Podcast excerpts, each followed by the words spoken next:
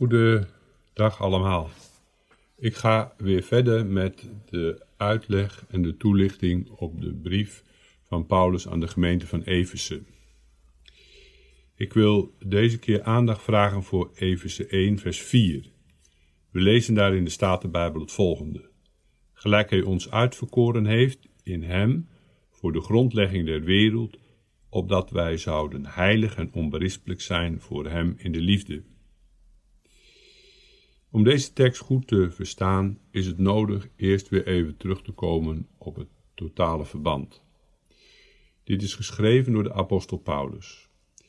Deze woorden worden geschreven aan de mensen die vroeger heidens waren en christen zijn geworden, aan de christelijke gemeente in Efeze.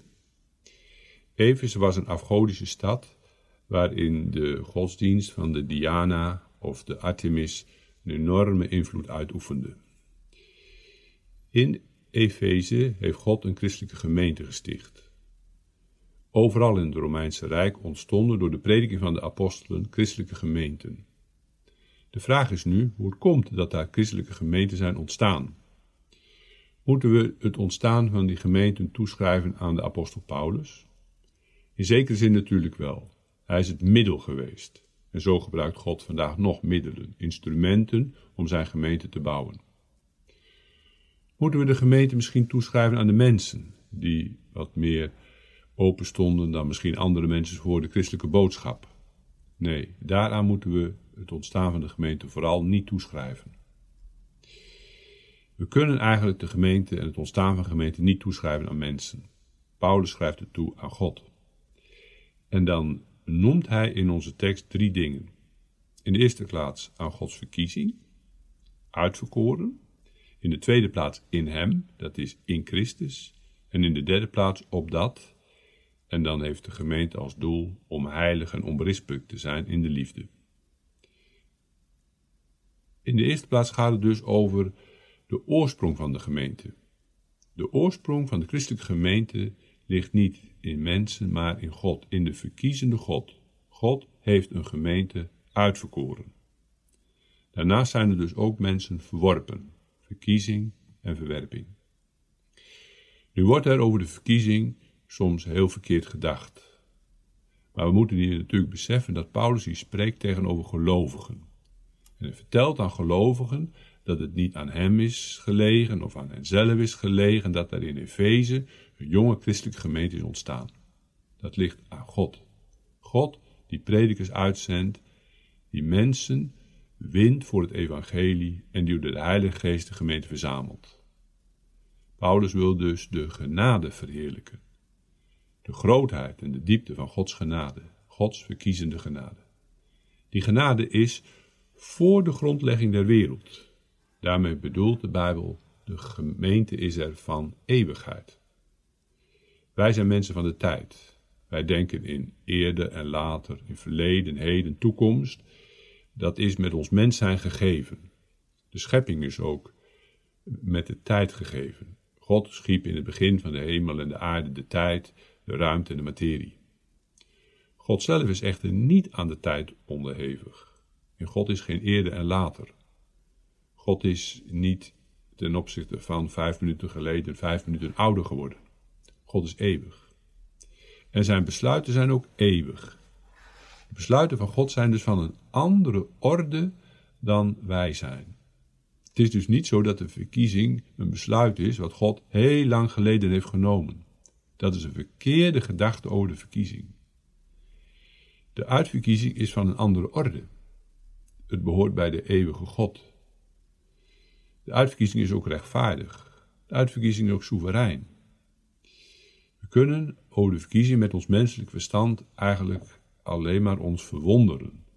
Dat het God heeft behaagd om uit zondige mensen een gemeente te verkiezen, reeds van eeuwigheid. Van voor de grondlegging der wereld. Dat is dus de oorsprong van de gemeente. Hoe wordt nu die gemeente in deze wereld zichtbaar? Wat is het grote kenmerk van de gelovigen en van de gemeente Gods? Wel, God heeft zijn gemeente uitverkoren in Hem.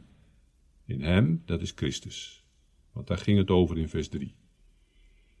Christus is dus het hoofd van zijn kerk. En alle leden van de christelijke gemeente worden door het ware geloof aan Christus verbonden, uitverkoren in Hem. De verkiezing krijgt dus zijn gestalte op deze aarde door het ware geloof in Christus. Allen die geloven zijn uitverkoren, oprecht geloven. Allen die niet geloven zijn van eeuwigheid verworpen. God verkiest opdat zondaren gaan geloven. En geloven betekent de Jezus als zaligmaker aannemen. Het komt aan op het ware geloof. De gelovigen zijn verkoren en mogen weten dat ze behoren tot de gemeente Gods. Wat dat betreft heeft de Reformatie, de uitverkiezing en de, het geloof in Christus nauw aan elkaar verbonden. Calvijn noemt bijvoorbeeld Christus de spiegel van de uitverkiezing. Wil iemand weten of hij uitverkoren is, dan kan hij dat weten doordat hij gelooft in Christus. Daarin kan hij dat zien, de spiegel. Dat is dus hoe de gemeente zich openbaart. De gelovigen, de ware gelovigen, vormen op deze wereld de gemeente Gods. Ten slotte, in de derde plaats, wat is het doel van de gemeente? God heeft de gemeente uitverkoren. De gemeente is een lichaam met Christus als hoofd. De gelovigen zijn aan Hem verbonden door een waar geloof. En tenslotte staat er, opdat wij zouden heilig en onberispelijk zijn voor Hem in de liefde. Die gemeente heeft ook een opdracht.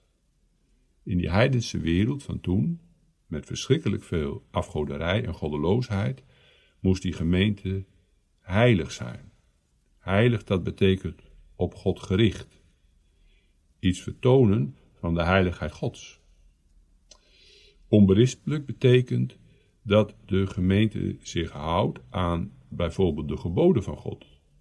En dat ze daarin onberispelijk, dus van harte en vrijwillig zullen leven en wandelen. Ten slotte voegt Paulus er nog een bekende gedachte aan toe, en dat is in de liefde. Gods wet eist liefde tot God en liefde tot de naaste. De liefde is een van de allerbelangrijkste gaven van de Heilige Geest. zo ook worden Gods kinderen verbonden aan God en aan elkaar. Heilig en onberispelijk zijn, niet als een soort wettische eis, als een soort dwang, maar in de liefde, met een innerlijke, hartelijke begeerte om God oprecht lief te hebben en de naaste te kunnen dienen, om tot nut te zijn voor de naaste. We zingen daarom ook in Psalm 116: God heb ik lief, want die getrouwe Heer hoort mijn stem, mijn smeking en mijn klagen. De tekst gaat dus over de gemeente Gods. God de Vader heeft die gemeente uitverkoren van eeuwigheid, soeverein, uit zijn genade. God de Vader heeft die gemeente gegeven aan Christus, die als het hoofd van zijn gemeente zich in deze wereld openbaart. Het hoofd en de leden. Ten slotte heeft die gemeente ook een dure opdracht. Dat God toen, in de tijd van het Romeinse Rijk, dat geldt vandaag nog. Opdat die gemeente zal zijn, heilig en onberispelijk voor Hem, voor God en voor Christus in de liefde.